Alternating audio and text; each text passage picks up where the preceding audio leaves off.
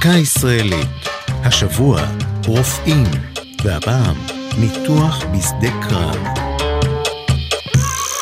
בתסריט המתח הזה, שבו הוחדר לראשונה קנה נשימה ללוחם צה"ל במהלך קרב, שני גיבורים ראשיים.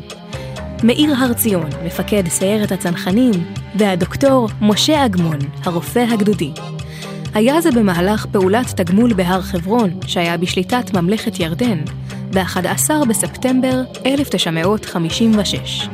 הפעולה הייתה תגובה למותם של שישה עתודאים, חלקם סטודנטים לרפואה, במתקפת הליגיון הירדני בחבל לכיש.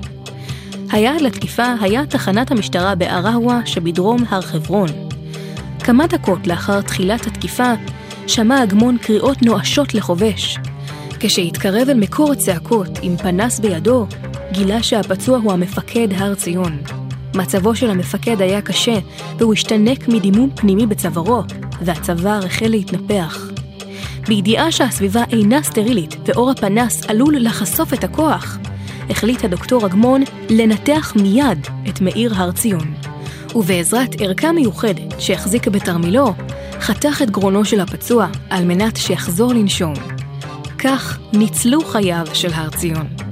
בעקבות חוק העיטורים הצה"לי, שנחקק ב-1970, הוענק אז עיטור העוז לדוקטור משה אגמון על פתיחת קנה נשימה תחת אש אויב.